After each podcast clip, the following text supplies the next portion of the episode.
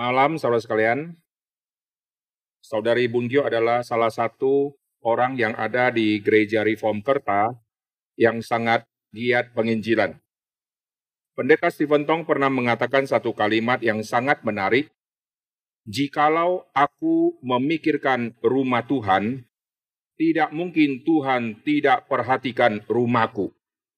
Kalimat ini saya sudah dengar sangat lama, dan kalimat ini yang memotivasi setiap kita untuk berani tinggalkan rumah. Amin. Tinggalkan rumah bukan karena cekcok, tinggalkan rumah karena demi misi Tuhan.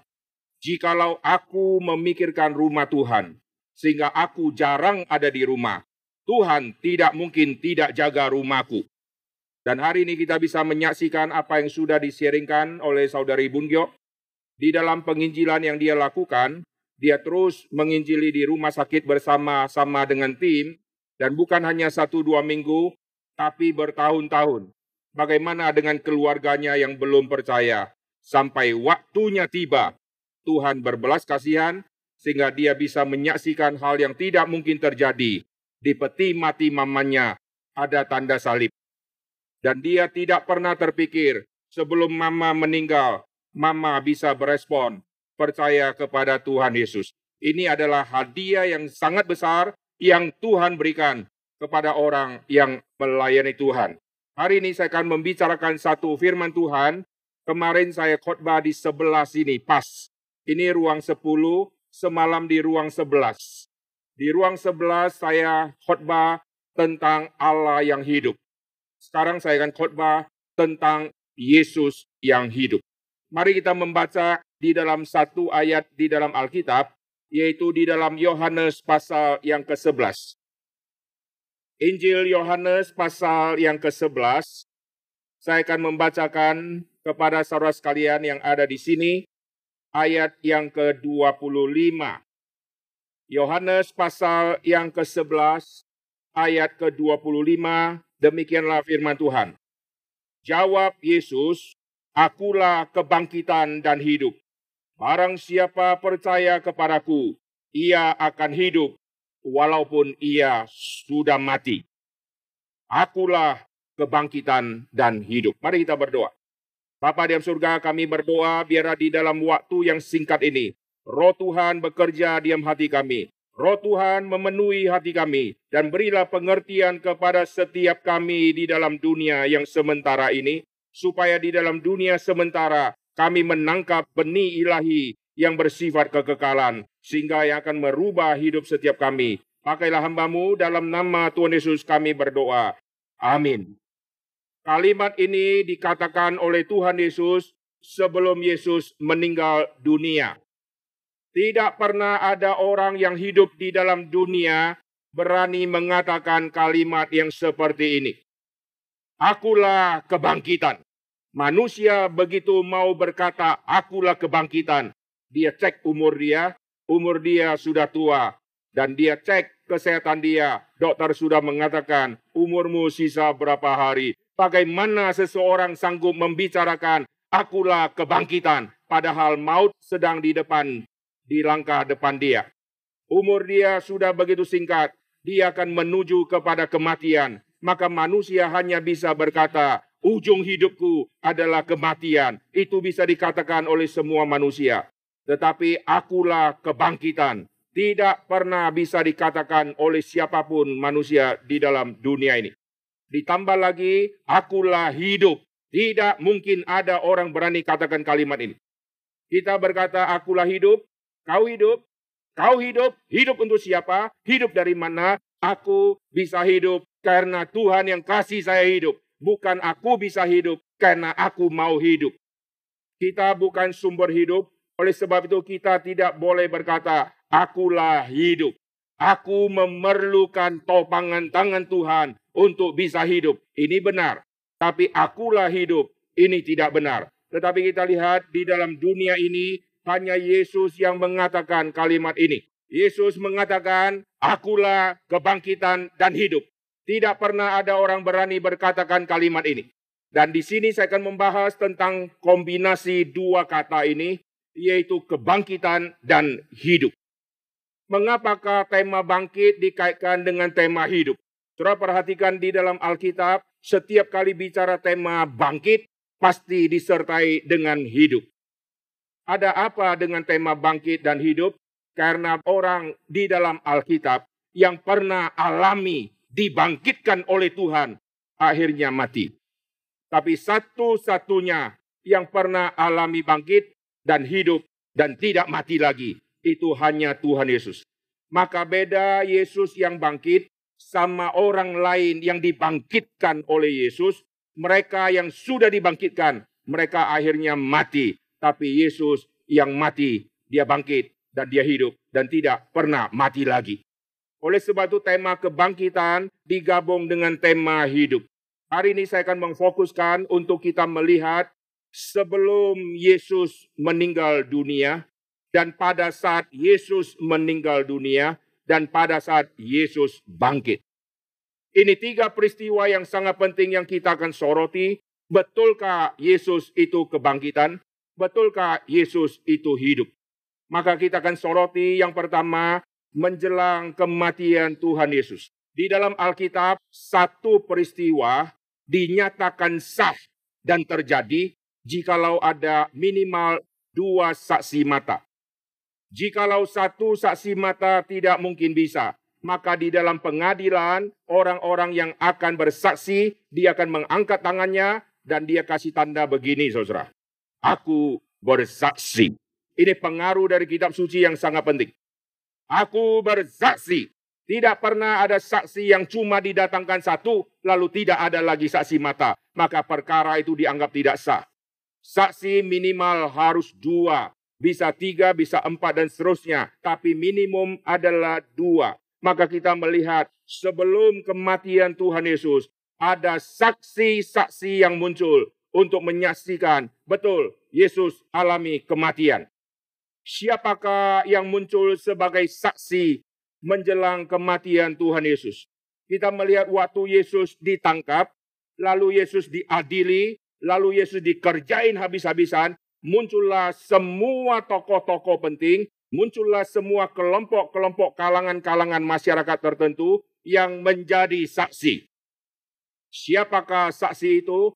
Serdadu-serdadu atau prajurit-prajurit Romawi menjadi saksi mata menjelang kematian Tuhan Yesus.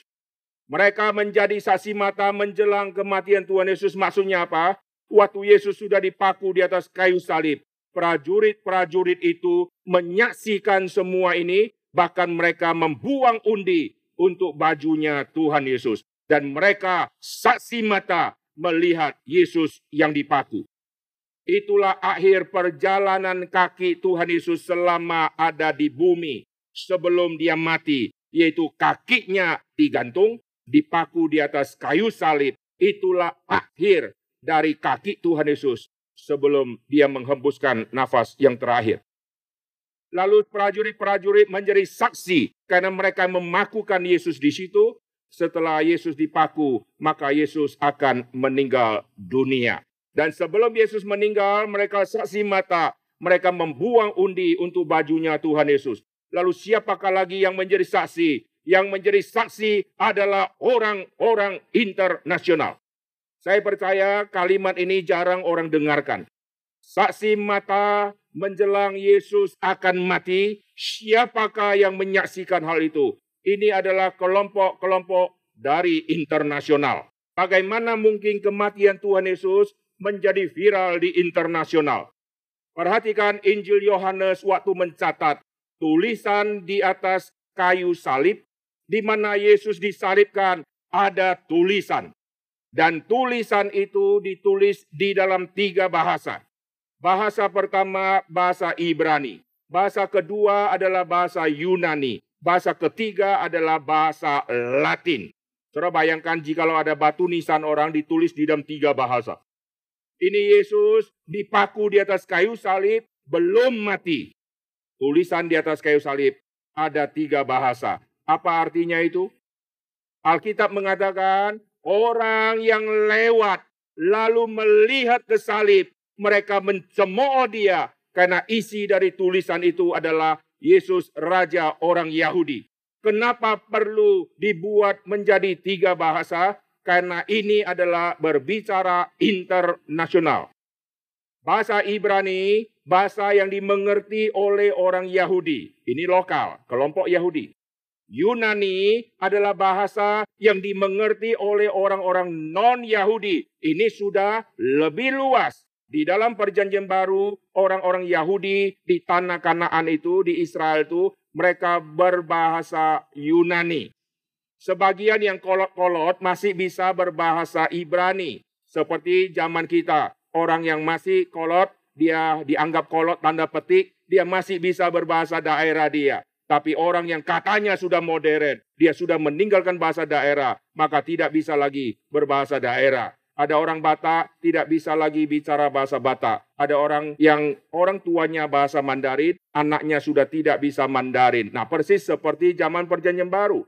Orang-orang Yahudi mestinya bahasa Ibrani, tapi mereka sudah tidak bisa berbahasa Ibrani, mereka berbahasa Yunani. Oleh sebab itu, kelompok Yunani yang bahasa Yunani ini sudah masyarakat yang lebih luas, tidak lagi diikat di dalam satu skop kecil, yaitu kelompok Yahudi saja. Sekarang sudah menyebar, orang-orang kafir pada waktu itu mereka berbahasa Yunani. Tetapi ada satu bahasa lagi di atas tulisan itu, yaitu tulisan itu berbahasa Latin. Bahasa Latin itulah bahasa yang dipakai oleh orang-orang Romawi. Berarti tiga bahasa ini mewakili dunia internasional pada waktu itu. Orang-orang Yahudi heboh. Orang-orang yang berbahasa Yunani. Ini kelompok-kelompok orang yang begitu luas dari daerah-daerah yang jauh yang mereka sudah dikuasai oleh kerajaan Yunani mereka sudah bisa berbahasa Yunani. Maka orang yang bisa mengerti bahasa Yunani itu kelompok yang sudah lebih internasional. Ditambah lagi kerajaan Romawi yang menguasai seluruh wilayah di mana jajahan dia dia kuasai. Mereka orang yang menjajah di situ, prajurit-prajurit, semua orang-orang yang berkebangsaan Romawi, mereka berbahasa Latin. Tidak ada bahasa yang lebih hebat lagi dari tiga bahasa ini. Dan tiga bahasa ini adalah bahasa yang mempengaruhi dunia pada waktu itu. Berarti kematian Tuhan Yesus betul-betul sah dan disaksikan oleh semua orang. Serdadu-serdadu mengkonfirmasi, mereka membuang undi. Lalu dunia internasional konfirmasi. Bukit Golgota dipercaya adalah tempat di mana banyak orang lalu lalang di situ. Kalau saudara pergi ke Israel, ada dua wilayah di mana dikatakan Yesus dimakamkan. Wilayah pertama itu yang dipercaya oleh orang Protestan, wilayah kedua dipercaya oleh orang Katolik. Orang Katolik percaya Yesus dimakamkan di satu tempat yang berbeda dengan orang Protestan. Lalu Golgotanya orang Protestan berbeda dengan Golgotanya orang Katolik. Dan kalau saudara perhatikan, Golgota yang sesungguhnya adalah tempat yang menjadi lalu lalang banyak orang. Karena Alkitab katakan banyak orang yang lewat pada saat itu memperhatikan. Kalau banyak orang yang lewat memperhatikan, kalau yang lewat hanya orang Yahudi, maka bahasa cukup bahasa Yahudi saja atau bahasa Ibrani saja. Kalau yang lewat mayoritas orang Yunani, maka kasih bahasa Yunani sudah cukup. Tapi yang lewat di situ, begitu banyak orang lalu lalang, maka dimasukkan tiga bahasa supaya Yesus menjadi viral secara internasional.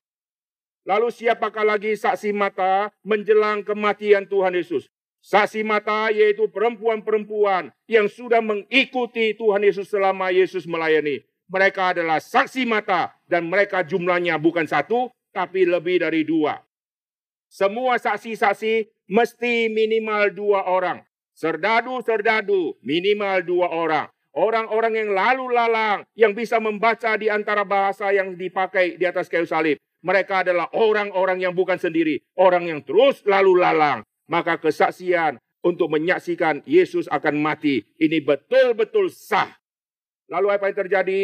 Waktu Yesus mati, lalu siapakah saksi-saksinya? Yesus waktu menjelang hari kematian, Yesus disalibkan, Yesus ditaruh di Golgota, di samping kanan dan kiri ada dua penjahat yang juga menjadi saksi. Dan dua penjahat ini menjadi saksi menjelang Yesus dimatikan dan sampai Yesus dimatikan. Karena penjahat ini matinya lebih telat, Yesus matinya lebih dulu. Yesus mati di jam 3, lalu penjahat ini matinya bukan jam 3. Terbukti di ayat mana, yaitu para prajurit akan mematahkan kaki orang yang disalib karena sudah mau tiba sabat maka harus cepat dimatikan supaya mayat bisa cepat diturunkan. Maka mereka mematahkan kaki penjahat. Ini membuktikan penjahat belum mati, maka dipatahkan kakinya. Setelah penjahat pertama dipatahkan, penjahat kedua dipatahkan, ini membuktikan mereka belum mati, maka dipatahkan. Sampai kepada Yesus, mereka lihat Yesus, Yesus sudah mati. Maka kalau sudah mati, tidak perlu dipatahkan. Kenapa perlu dipatahkan? Supaya cepat mati. Sudah luka begitu banyak, darah sudah begitu banyak, tapi belum mati-mati. Supaya dia cepat mati, maka kakinya dipatahkan. Maka penjahat itu waktu sebelum dipatahkan. Mereka yang ada di atas kayu salib belum mati-mati. Lalu setelah dipatahkan, mereka akhirnya mati. Sampai kepada Yesus, Yesus punya kaki tidak dipatahkan. Jadi dua penjahat menjadi saksi mata Yesus dipaku sampai Yesus mati mereka menyaksikan karena mereka matinya telat.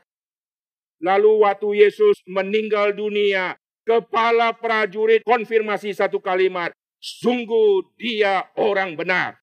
Sungguh dia adalah anak Allah. Jadi Yesus mati sudah pasti betul-betul mati. Jikalau ada orang berkata, Yesus matinya pura-pura, ini omong kosong. Yesus betul-betul mati. Dan yang mati bukan Yudas Iskariot yang berubah wajahnya menjadi Yesus. Ada orang berkata yang mati adalah Yudas Iskariot yang dirubah oleh Tuhan menjadi wajah Yesus. Sehingga yang dipaku adalah Yudas, Yesus asli melarikan diri. Kalau Yudas yang dipaku, Yudas tidak mungkin keluar kalimat, Bapak ampunilah mereka. Yudas pasti akan berkata, Hei sadar, sadar, sayalah teman kamu. Saya yang membawa serdaru-serdaru untuk menangkap Tuhan Yesus. Hei celiklah matamu. Saya tahu kamu namanya siapa. Istrimu namanya siapa. Anakmu siapa. Saya tahu kita kawan baik. Hei sadar, sadar. Aku ini Yudas Iskariot. Tetapi apa yang dikatakan di atas kayu salib, Yesus berkata, Bapa ampunilah mereka. Ini kalimat tidak mungkin keluar dari Yudas Iskariot. Jadi poin pertama yang kita sudah lihat, Yesus mati betul-betul fakta sejarah dan disaksikan oleh banyak orang. Lalu sekarang lihat saat Yesus mati. Pada saat Yesus mati, apakah ada saksi mata? Oh, serdadu-serdadu akhirnya dipakai untuk menjaga makamnya Tuhan Yesus. Kalau Yesus tidak mati, ngapain serdadu bodoh jaga makam Tuhan Yesus? Lalu Yesus yang sudah dimasukkan ke dalam makam, sekarang dijaga oleh serdadu. Serdadu yang jaga bukan satu orang, tetapi lebih dari satu orang. Dan mereka adalah saksi pada saat Yesus sudah mati.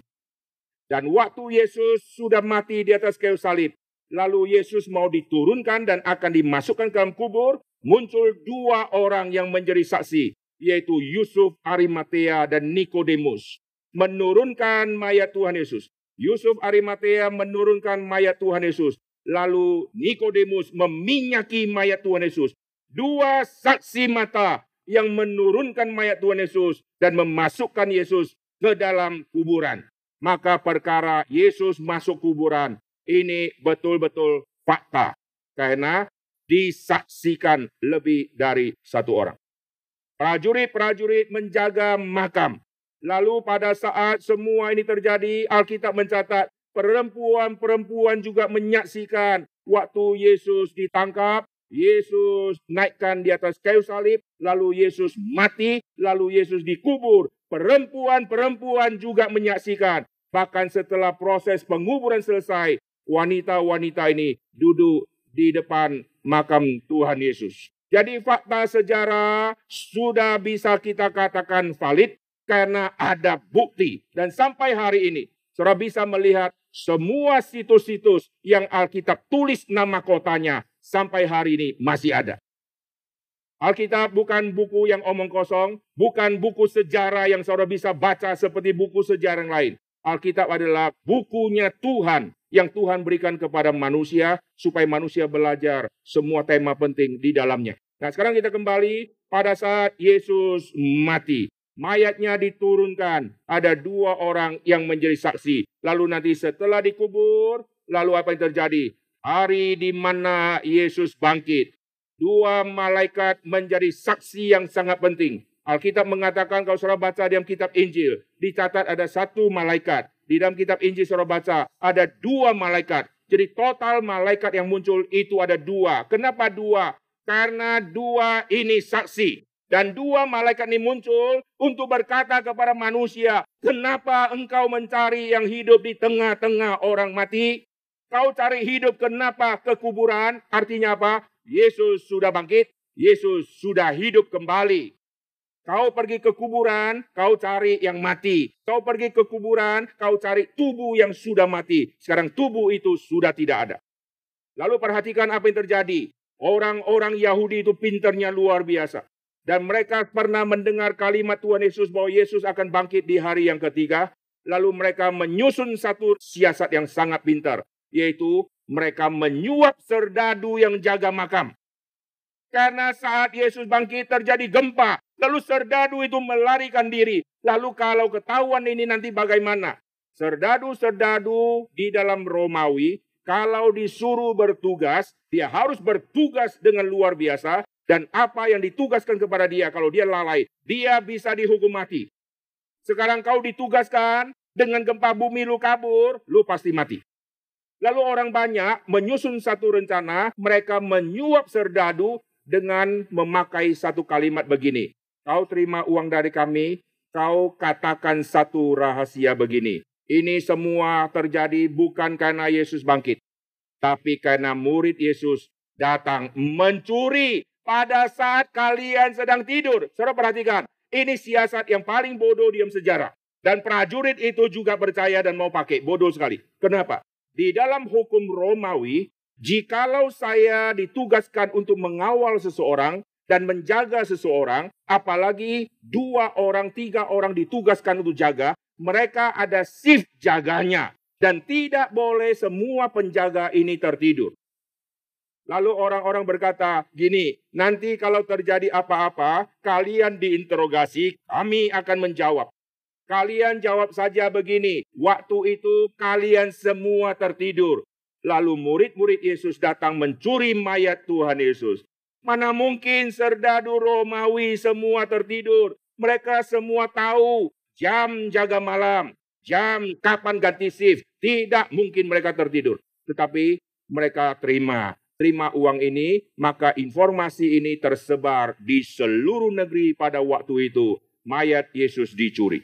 Betulkah mayat Yesus dicuri? Alkitab katakan tidak mungkin mayat Yesus dicuri. Kalau orang curi mayat, Berarti ada penjaga yang di depan yang mesti dikibulin dulu supaya penjahat itu pergi. Nah sekarang penjahat sudah pergi karena gempa bumi. Lalu kalau kita yang pergi mengambil mayat Tuhan Yesus, bisakah kita ambil dengan pelan-pelan atau kita ambil dengan tergesa-gesa karena pikiran kita nanti tentara akan balik kembali, matilah kita. Terbukti kita sedang mengambil. Pasti ambil mayat Yesus buru-buru.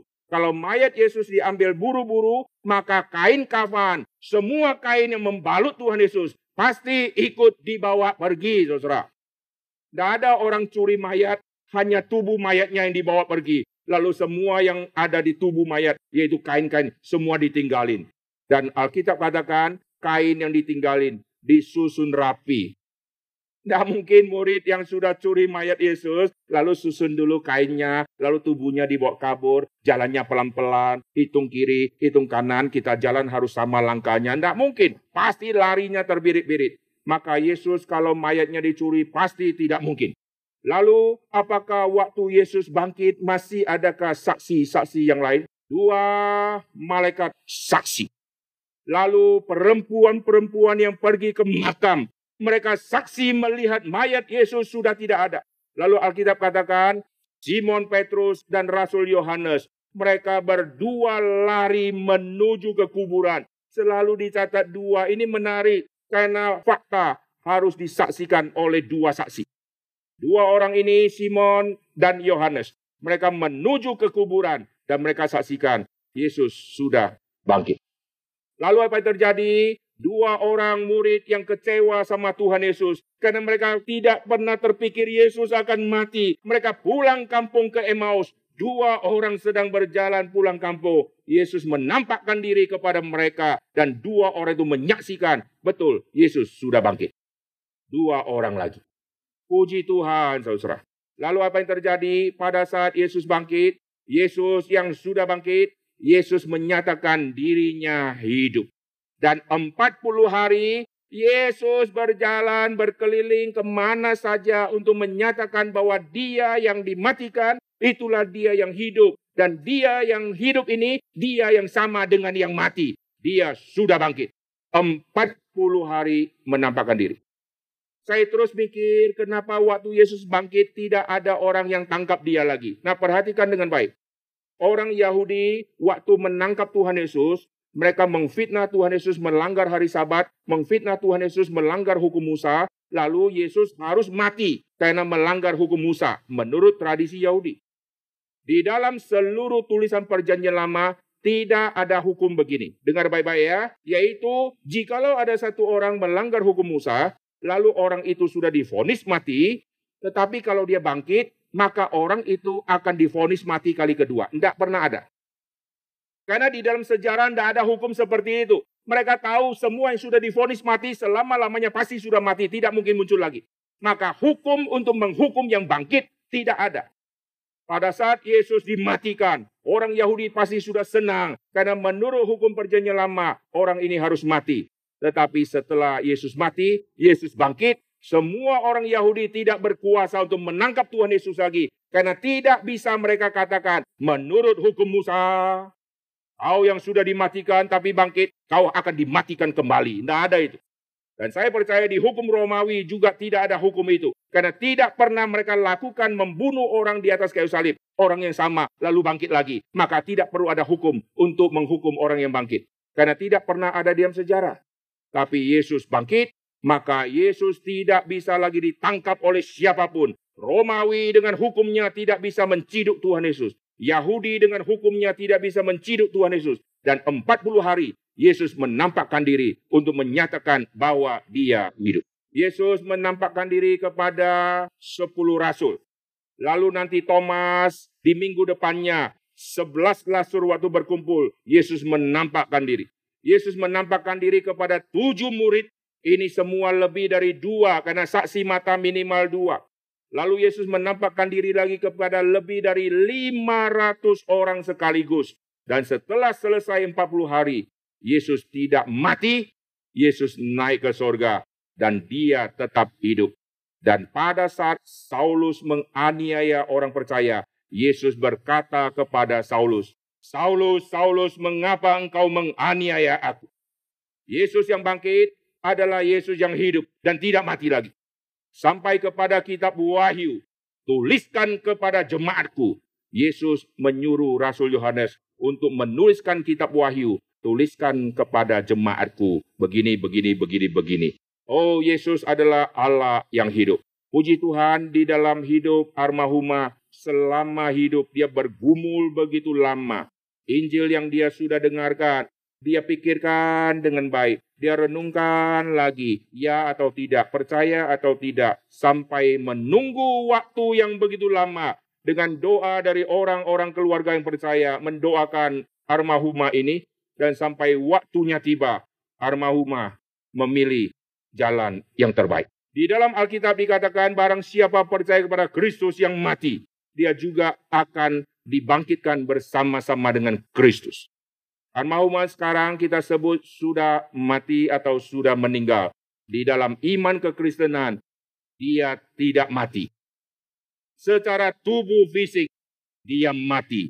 Medis mengatakan dia mati karena nafas sudah berhenti. Tetapi waktu nafas berhenti, nafas pergi ke mana? Alkitab katakan Tuhan membentuk manusia dari debu tanah. Materi ini debu tanah Tuhan memberikan nafas hidup. maka setelah mati semua manusia akan kembali ke debu tanah karena kita berasal dari debu tanah. Tetapi waktu dokter berkata, oh nafasnya sudah tidak ada. Dia sudah berhenti nafas. Nafasnya waktu berhenti. Nafasnya ke mana? Yang dari bumi kembali ke bumi. Debu tanah kembali ke debu tanah. Tuhan menghembuskan nafas hidup. Maka karena Tuhan yang kasih, dari Tuhan harus kembalikan ke Tuhan. Oleh sebab itu setiap manusia yang meninggal selalu muncul kalimat yang sama di seluruh dunia, di seluruh zaman yaitu si A atau si B. Dia menghembuskan nafas yang terakhir dan mati. Tidak pernah saya baca si A atau si B menarik nafas lalu mati. Tidak pernah ada. Kenapa hidup manusia diakhiri dengan menghembuskan nafas? Menghembuskan nafas terakhir karena yang milik Tuhan kembali kepada Tuhan. Tuhan memberikan roh yang kekal dalam hidup manusia. Maka roh itu kembali kepada Tuhan yang memberikan. Oleh sebab itu, secara medis, secara fisik mati, secara roh manusia ada bersama Tuhan dan dia hidup. Amin. Abraham sudah mati secara tubuh, tetapi Lazarus yang mati, Alkitab catat, duduk di pangkuan Abraham. Berarti Abraham hidup, Musa sudah mati, tetapi waktu Yesus dimuliakan di atas gunung, Musa menampakkan diri. Puji Tuhan. Puji Tuhan orang yang ada di dalam Kristus. Meskipun kita kelak akan mati, tetapi kita hidup bersama dengan Kristus selama-lamanya. Amin.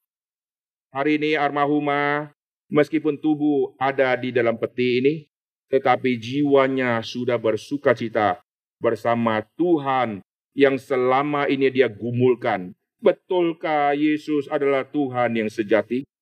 Dan sekarang dia sudah dihibur bersama-sama dengan Tuhan yang sejati yang menghapus air mata dia, yang membelai rambutnya dan menyambut dia masuk di dalam kekekalan. Kiranya firman Tuhan yang singkat ini mengingatkan kepada kita, kepada siapakah kita mau berpegang. Kita pegang siapakah pendiri agama, semua mati. Kita pegang siapakah orang pintar, semua mati. Saya bersandar kepada papa, papa mati. Saya bersandar kepada kakek, kakek mati. Semua yang kita pegang, satu persatu mereka akan meninggal dunia. Kita harus memegang sesuatu yang hidup. Jikalau tidak, kita akan berpegang kepada sesuatu kesia-siaan. Mari kita tundukkan kepala, kita berdoa. Bapa di surga, kami berterima kasih untuk apa yang sudah kami dengarkan. Bersyukur untuk semua yang Yesus kerjakan di dalam dunia ini. Yesus yang mati begitu menggenaskan. Yesus yang akhirnya bangkit. Dan Yesus yang sudah bangkit. Yesus hidup selama-lamanya. Dan Alkitab menawarkan kepada barang siapa yang percaya kepada Tuhan Yesus. Meskipun kelak tubuh akan mati secara fisik. Tetapi roh akan beroleh hidup yang kekal selama-lamanya. Terima kasih ya Tuhan, hiburlah seluruh keluarga besar yang ditinggalkan. Dan kami berterima kasih di dalam umur yang seperti ini, Tuhan masih berbelas kasihan di dalam waktu-waktu sisa sebelum Tuhan memanggil pulang. Armahuma Tuhan sudah selamatkan. Tuhan juga selamatkanlah anggota keluarga yang lain. Di dalam pergumulan hidup mereka yang sudah begitu lama, biar di dalam waktu Tuhan, satu persatu mereka meninggalkan kepercayaan yang lama, lalu percaya kepada Kristus Allah yang hidup. Dengar doa kami dalam nama Tuhan Yesus. Kami berdoa. Amin.